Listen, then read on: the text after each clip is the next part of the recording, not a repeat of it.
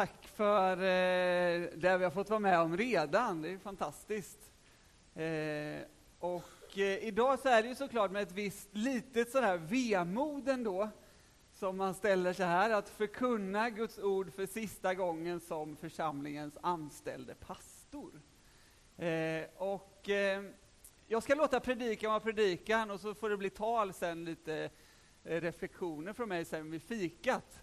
Men eh, ni vet ju alla att eh, jag älskar er väldigt mycket. Och eh, vår familj. Eh, ja, vi har ju varit här under lång tid. Och våra barn har växt upp här och ni, ni betyder väldigt mycket. Så, och så tar vi mer sen. eh, med de här två sista predikningarna som jag haft innan idag så eh, har jag velat fokusera på den vision som vi tillsammans har arbetat fram under eh, ja, flera år egentligen. Eh, och, eh, därför att jag tycker att det är viktigt att poängtera vad är det vi har överlåtit oss till. Och det här är ingen skrivbordsprodukt som några i en styrelse har gjort, utan det här har vi processat tillsammans och satt som, som det här vill vi vara, det här vill vi ska känneteckna. Och vår vision är ju att vi vill se fler människor beröras av Jesus, växa till och bli mer lika honom. Det är ju ingen lång vision, men det är en övergripande vision. Och eh, vi har sett under de här två predikningarna som jag haft innan då, att eh, även om det är två ganska korta satser eller ansatser till vad vi vill göra, så, så är det ju ett, ett, stort innehåll. Det är en stor utmaning eh, att eh, få se fler människor komma till tro, men att också då, det kanske är det viktigaste av allt, att få se en fördjupning av den här tron i människors liv och vad det kan få betyda för dem och för oss som gemenskap att följa Jesus, att växa till och bli lika honom. Och för en sån här vision så behövs det ju överlåtelse, det behövs kreativitet, det behövs engagemang för att det här ska kunna bli en förändringsfaktor för Rimforsa och människorna som bor här. Så får det ju inte bara vara några ord som vi slänger upp så här i en fin liten eh, bild med, med, med något fält där liksom. Eh, utan det måste få, få något sätt landa i oss. Vad betyder det här för mig? Och det har jag ju då försökt eh, under ett par söndagar när jag har förkunnat. Och så kommer det ju så lämpligt att den tredje predikan så infaller ju pingstdagen. Hur bra är det? Det liksom är ju, det är ju nästan så att det är förberett. Därför att pingstdagens budskap till oss öppnar ju upp helt nya möjligheter. Helt nya förutsättningar för att se någonting kunna bli verkligt. Anden är ju den som ger liv åt det vi gör, det vi är. Anden ger ju oss kraft att tjäna utifrån det här uppdraget och den här visionen. Vi har hört eh, berättelsen ifrån Apostlagärningarna 2 om vad som hände på pingstdagen.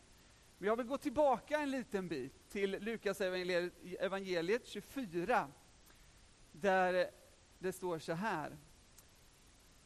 Detta är alltså vad skriften säger. Messias ska lida och uppstå från de döda på tredje dagen och syndernas förlåtelse genom omvändelse ska förkunnas i hans namn för alla folk med början i Jerusalem. Ni ska vittna om allt detta och jag ska sända er vad min fader har lovat. Men ni ska stanna här i staden tills ni har blivit rustade med kraft från höjden. Och Lukas påminner om den här händelsen i sin redogörelse för den kristna församlingens tidiga historia. Och I Apostlagärningarna 1 och 4 så säger han så här. Och under en måltid tillsammans med dem sa han åt dem att inte lämna Jerusalem utan vänta på det som Fadern hade utlovat. Det som ni har hört mig tala om, sa han.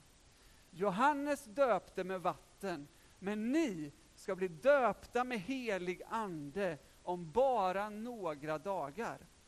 Och sen kopplar han det här löftet till andens utgjutande som står i, i den åttonde versen i kapitel 1. Men ni ska få kraft när den heliga anden kommer över er. Och ni ska vittna om mig i Jerusalem och i hela Judeen och Samarien och ända till jordens yttersta gräns. Vision. Vad var visionen? De skulle vittna om Jesu liv, Jesu död, Jesu uppståndelse, syndernas förlåtelse och omvändelsens eh, liksom nödvändighet att vända sig till Jesus. Och enligt med Matteus 28 också då, vara lärjungagörare. Att göra lärjungar. Kommer ni ihåg vår vision? Den går helt i enlighet med det Jesus säger och det Jesus utmanar oss till. Men vi får inte glömma ett ord här som Jesus säger och där man kan sammanfatta vad han säger i de här eh, små bibelsammanhangen jag har läst här. Och det kan man sammanfatta i ordet vänta. Vänta. Och då inte i betydelsen av att vänta på att det ska komma behov. Därför att behoven fanns. Behoven har funnits jämt. Behoven kommer alltid att finnas. De fanns då, de finns nu och de är enorma hela tiden. Varje dag, varje timme, varje minut, varje sekund så är behoven i Rimforsa och ut över vår värld enorma. Men de ska vänta på det som Fadern har utlovat. Den heliga Ande. Därför att det finns ingenting som vi kan göra som bär verklig djup förändring i människors liv om inte Gud är med. Om inte den heliga Ande verkar i och genom oss som församling. Han ger hjälp, han ger kraft, han ger inspiration, ger vägledning. Allt det här som finns, i den här fantastiska gåvan som Fadern har lovat att ge, den heliga Ande. Visst kan människor göra otroligt mycket gott bara genom god vilja, kreativitet och entreprenörskap. Man kan åstadkomma stora saker. Men för att komma till djupet och botten av det som är bekymret i mänskligheten så behöver den heliga Ande få göra sitt verk i människors liv och genom oss. Hela människan behöver beröras av Gud. Anden är vår hjälpare i uppdraget vi fått. Och när vi ser vad som hände med lärjungarna när de hade blivit uppfyllda av den heliga Ande så förstår vi att pingstdagens erfarenhet var helt avgörande. Det blev en sån förändring för dem och för det här uppdraget de hade fått. Många människor blev berörda. Och då handlade det inte bara om att de talade ut ord, att de berättade saker, utan det var ju kraft till förändring, konkret. Man gjorde skillnad i sitt samhälle. Människor såg kärleken. Fick en helt annan frimodighet. De fick se under och tecken ske som bekräftade ordet de förkunnade. oerhört attraktivt blev budskapet när anden fick blåsa liv och leda rätt och ge signaler. Hit ska du, dit ska du gå. Så ser vi det när vi läser om de här bibliska liksom, personligheterna, hur de leddes av anden. Hur de räknade med andens ledning. Och hur de liksom gick i förutberedda gärningar det här skapade verkligen en våg i Jerusalem. Och jag, tänkte, jag bara plockade ut lite så här äh, bisatser i det som eh, Lukas beskriver. Och det finns på powerpointen här. Apostlagärningarna 2.37. Orden träffade dem i hjärtat. Anden gjorde att det tog fäste. Det hakade tag i någonting i människors hjärtan. Johannes säger att, att anden uppre, eh, eh, uppenbarar synd, rättfärdighet och dom. Och att han är sanningens ande. Alltså när anden kommer så händer det någonting. Så överbevisas och det träffar dem i hjärtat. Och så står det att de tog till sig hans ord, lät döpa sig. Och den dagen ökade de troens antal med inemot 3000. Ja, det är ju fantastiskt. Har ni någonsin varit med om något liknande? 3000 människor på en och samma dag. Alla människor bävade. Många under och tecken gjordes genom apostlarna. Guds kraft var utgjuten. Människor fick sina liv förvandlade, fysiskt och inre helande, upprättade i Jesu namn. Men många som hade hört ordet kom till tro. Och tillsammans, ni hör det, det bara ökar. Och tillsammans var de nu omkring 5000 män. Genom apostlarna skedde många under och tecken bland folket. Män och kvinnor i stort antal kom till tro på Herren. Kapitel 6 och 7. Guds ord vann spridning och antalet lärjungar i Jerusalem steg kraftigt. Även en stor mängd präster började omfatta tro. Alltså bara förstår ni här att det, det, när anden kommer så händer det någonting radikalt. Det blir en helt annan kraft. Så vi kan väl vara överens om att vi behöver den heliga anden utgjuten över våra liv, men också över våra församlingars liv. Det vi gör och där vi vill vara. Så att vi kan möta alla de här behoven, alla de här tomrummen som finns att fylla överallt, inte bara i Afrika. Vi, det finns mängder med behov i Rimforsa, i Östergötland, över hela vår värld. Så finns det en hunger och törst efter förändring och förvandling. Han är livets ande. Han är livets ande. Han är en livgivande kraft för oss i, i, i församlingen och som individer.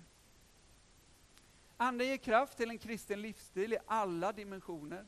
Individuellt, i församlingen, i världen. Bibeln säger oss att vi är Andens folk. Vi ska bära Andens frukt, vi ska ledas av Anden, vi ska vandra i Anden, vi ska leva av Anden. Vi, vi, vi finns i en kropp, Kristi kropp. Och den utgjut, liksom, hela den berättelsen eller bilden handlar om anden.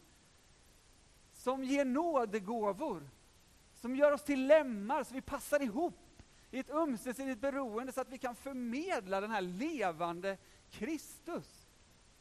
Vi behöver den heliga Ande. Så att vi kan vittna för världen i ord och handling om befrielsen, om Jesus Kristus. Sen vill jag också säga att eh, Anden ger oss ju också ett överflödande hopp inför framtiden, så att vi kan leva i glädje, mitt i förföljelser, mitt i svårigheter, mitt i lidande. Och det här påminns vi om genom breven också. Att eh, församlingen upplevde svårigheter, lidande och förföljelse mitt i den här eh, framgången, ska man kunna säga, mitt i det här de förmedlade, så behövdes det också den här framtidstro som anden gav här inne. Att det kommer någonting mera. Det är inte slut. Uppståndelsen. Jag tycker det är viktigt att, att så att säga ha framtiden i ryggen. Och det vill anden ge oss och hjälpa oss att liksom hålla ut i tjänsten för honom. Vittnesbördet om Jesus. Det handlar såklart om att berätta de glada nyheterna om vår frälsare, berätta vad vi har sett och hört, berätta våra erfarenheter, vad Gud har gjort i våra liv. Men det handlar också, nu kommer jag knyta an till det som Josefin sa här i, i inledningsorden. Men det handlar också om att bli delaktig i det som Gud redan gör. Gud har en mission. Gud verkar nu. Gud har verkat genom hela historien. Gud verkar till befrielse för folken. Och det Anden vill göra är att göra oss delaktiga i Guds mission. Att befria den här världen. Anden ger oss rätt timing, han ger oss rätt förutsättningar för att effektivt kunna bli delaktiga i det han gör.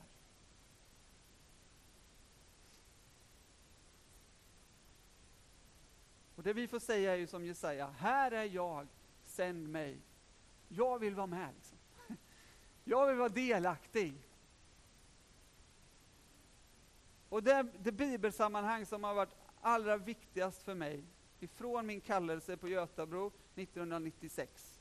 På det där onsdagsmötet när Gud verkligen öppnade upp ett perspektiv. Att jag har ett uppdrag att faktiskt lösa ut människor i frihet. Med den här nyckeln av guld som jag har fått i min hand. Så, så var det det här bibelsammanhanget som du läste. Där det står att Jesus kom till Nasaret, där han hade växt upp. Och på sabbaten gick han till synagogan som han brukade. Han reste sig för att läsa och man gav honom profeten Jesajas bok. När han öppnade den fann han det ställe där det stod skrivet. Herrens ande är över mig, ty han har smort mig till att frambära ett glädjebud till de fattiga. Han har sänt mig att förkunna befrielse för de fångna och syn för de blinda, att ge de förtryckta frihet och förkunna ett nådens år från Herren. Han rullade ihop boken och gav den tillbaks till tjänaren och satte sig. Alla i synagogan hade sina blickar riktade mot honom och då började han tala till dem och så sa han, idag har detta skriftställelse gått i uppfyllelse inför er som hör mig. Jesus liksom gör sin eh, programförklaring. Han proklamerar ut, vad är det jag har kommit för att göra? Och Det här är också viktigt för oss om vi vill vara delaktiga i Guds mission. Att det här är någonting som vi engagerar oss i, går in under, överlåter oss till. Herrens ande över mig, Jesus som vi var beroende av anden. Guds närvaro i oss som möjliggör det omöjliga. Ett glädjebud till de fattiga.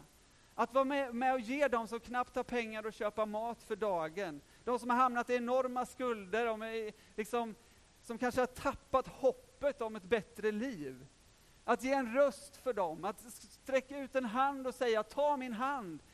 Jag vill hjälpa dig på något sätt, jag vill göra någonting för dig. Fattig kan ju ha med materiella ting att göra, men det kan också ha med andlig fattigdom, tomhet att göra.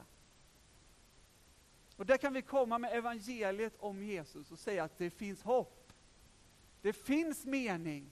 Det finns en tanke med ditt liv. Och få tala hopp in i hopplöshet. Där man kanske hungrar och törstar efter liv.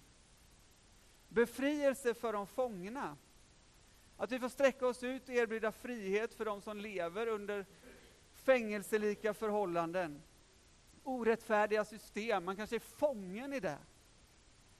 Utnyttjande, människohandel, diskriminering. Där rättigheter och människovärdet kränks på, kränks på olika sätt. Där är vi som församling med Andens hjälp kallade att göra skillnad, konkret. Jesaja säger, detta är den fasta jag vill se. Att du lossar orättfärdiga bojor, sliter sönder okets rep, befriar de förtryckta och krossar alla ok. Men Bibeln talar också om andlig fångenskap i synd, skuld, skam. Den talar om fruktan, den talar om döden, synden. Den talar om ondskans andemakter. Där Herrens ande är, är frihet. Säger Paulus i Andra Korinthierbrevet. Vi har frihet att erbjuda till alla dem som är fångna. Syn för de blinda, För de som inte har sett dagsljus på länge, som kanske inte vågar tro på framtiden, tro på sig själva, kanske inte ens tror på Gud längre. För de som fysiskt lider, syn för blinda, de är ju blinda också fysiskt. Då. Men att också förkunna det, att Jesus vill hela och upprätta dig från sjukdom. Och det kan vara mirakulösa helanden, men det kan också vara som vi har gjort i Afrika, i vår 120-åriga historia, faktiskt hjälpt till med sjukvård, liksom helt konkret, praktiskt. Fyllt behov där tomrum finns. Att erbjuda läkedom för världen. Ge de förtryckta frihet. Det tangerar det här, befria de fångna. Tjuven han har kommit bara för att stjäla, slakta och döda. Men jag har kommit för att de ska ha liv och liv i överflöd. Ett nådens år från Herren. Slavarna sätts fria. Ett nådens år från Herren. Allting blir nollställt. Varje människa är välkommen. Varje människa får förlåtelse. Alla ska få plats i vår församling. Ska få känna att här får jag vara. Här får jag börja mitt liv i vandringen mot Jesus. Att vi får vara en gemenskap som förkunnar nåd och sanning. Och vet ni vad? Nåden måste komma innan sanningen.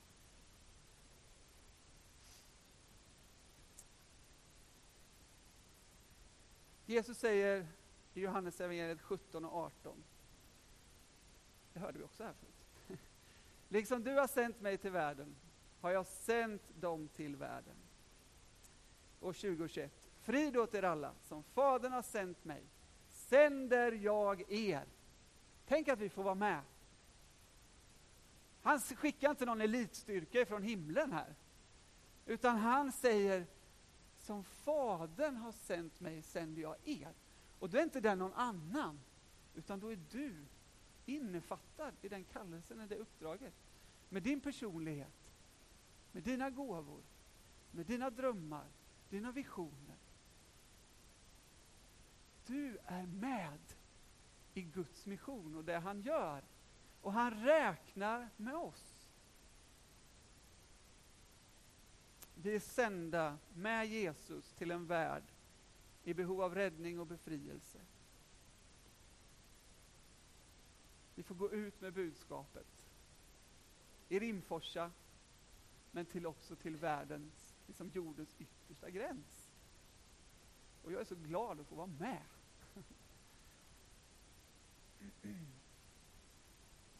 Det finns några fina ord i, för, i första Thessalonikerbrevet som jag gillar.